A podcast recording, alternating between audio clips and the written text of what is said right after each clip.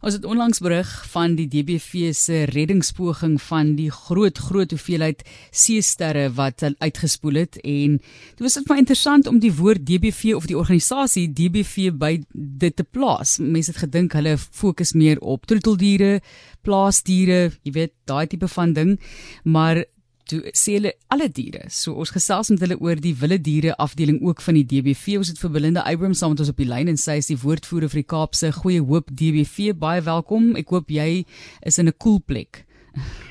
Hi Martelies en uh, altyd lekker om met jou te gesels en goeiemiddag ook vir die RSG luisteraars. Ek is baie gelukkig vandag om iewers te sit waar daar nou ligversorging is.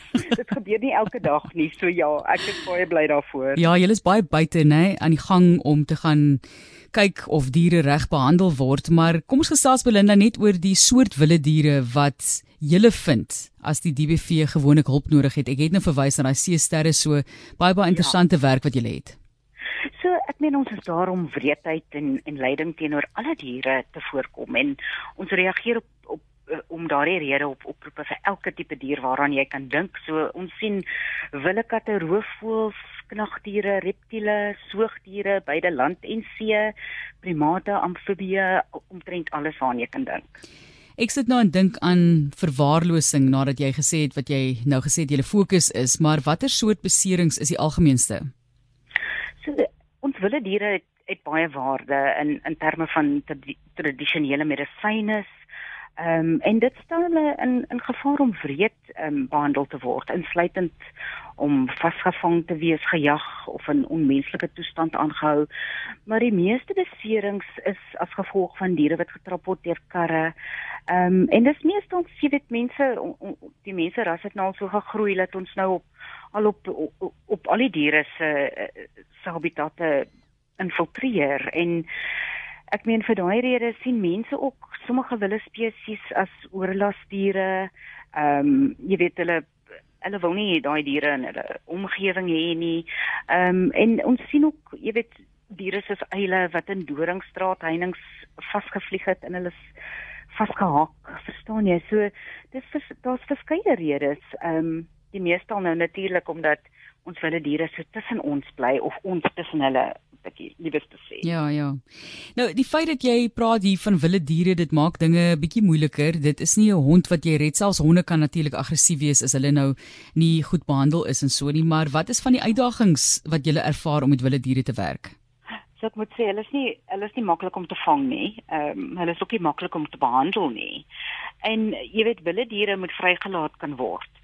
So soms ten spyte van ons beste pogings en die beste pogings van 'n veearts, kan 'n wilde dier nie na die natuur uh, natuur teruggekeer word nie. So dit beteken dat jy weet baie moeilike besluite moet gemaak word, maar altyd ehm uh, met die dier se welstand bone mense gedagtes. So baie keer moet 'n die dier aan die slaap gemaak word as gevolg van die feit dat hy nooit weer gaan vlieg nie, byvoorbeeld. So dis dis dis baie moeilik. Ons gesels oor wilde diere in die afdeling by die DWV en die werk wat hulle daarso doen. So, julle het 'n interessante redding gehad onlangs waarby 'n eystervark en 'n muisond betrokke was. Vertel vir ons 'n bietjie daarvan. So, ek meen hierdie is albei voorbeelde van wild wat probeer oorleef in menslike menslike nedersettingsgebiede. En um, die muisond was eintlik deur hy was in 'n hoek gedruk um, deur mense se honde en hulle het ons gebel om uit te kom en dan die die eystervarkie hy dan in 'n in 'n oop drein ingeval. So jy weet dit dit vat nie baie om net seker te maak die drein is gedek met sy deksel is op. Ehm um, dit dit vra baie min van 'n mens om eintlik uit te kyk vir ons wilde diere, maar daai twee kon gelukkig, jy weet ons moet hulle baie versigtig red om seker te maak dat ons op die ou einde nie verskrikliker stink nie of of deur uh, vuurpenne vasgesteek word nie, maar so. beide diere het gelukkig 'n kort verblyf nodig gehad voordat ons hulle weer terug in hulle natuurlike omgewing kon sit. Julle het seker baie interessante stories om te vertel. Ek dink ons moet eendag net 'n mikrofoon voor julle neersit en jy vertel van al die interessante ervarings wat julle gehad het soos hierdie nou, maar een van die reddings wat julle onderneem het wat vir jou uitstaan, 'n gunsteling van jou. Ag, weet jy, daar's 'n geval wat my my hart eintlik so diep geraak het, Martelies. Dit was 'n primaat ehm um, wat uh, gered is. Hy het uh, in 'n houtvaat ehm um, nee. ge, gebly. Dit was waar hy geleef het.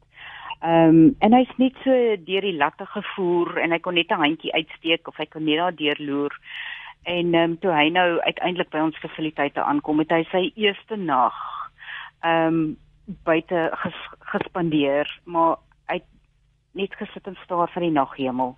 En dit het my geraak tot in my siel want jy weet hy het dit so aangekyk hy het nog nooit so iets so mooi gesien nie en jy weet dit raak 'n mens want hulle hoort in die wild um, hulle hoort daai goed hoort hulle van natuur te ken um, en, en ja dit is ja, dit is iets wat my baie diep geraak het. Ja, en mense wil 'n traan pik met sulke tipe van stories. Dit is net plain aaklig, jy weet dat jy 'n 'n ja. lewende ding so moet behandel, regtig aaklig. Ja, so wat kan ons byvoorbeeld doen om seker te maak dat wilde diere nou in hierdie geval, en mense kan eintlik maar sê alle diere, maar dat wilde ja. diere se welstand na gekyk word of om dit te help verseker. Jy weet, ek is nou iemand wat sit in 'n dorp of 'n stad, nie vreeslike ervaring ja. met wilde diere nie behalwe vir die 50000 geitjies wat op die mure van ons huis sit. Maar dit is en mooi. ja, nee, 'n mens voel so sleg, jy weet, jy klim in die kar en dan sit daar nou 'n geitjie op die venster en hier gaan jy nou Kaap toe en hy gaan nou afklim in 'n plek waar hy nog nooit was nie, en, en dan yeah. Ja. probeer mense hom vang en hom afskuif dat hy tog net nie saam gaan nie, maar yeah. Ja. wat kan ons doen? So wees bewus van hulle. Jy weet, al kan jy hulle nie sien nie, is is hulle om in jou omgewing. Jy weet, ry op veilige op die paaie in die nag En as jy nie bobiane byvoorbeeld in jou tuin wil hê nie, verwyder dan jou vrugtebome of moenie groente plant nie.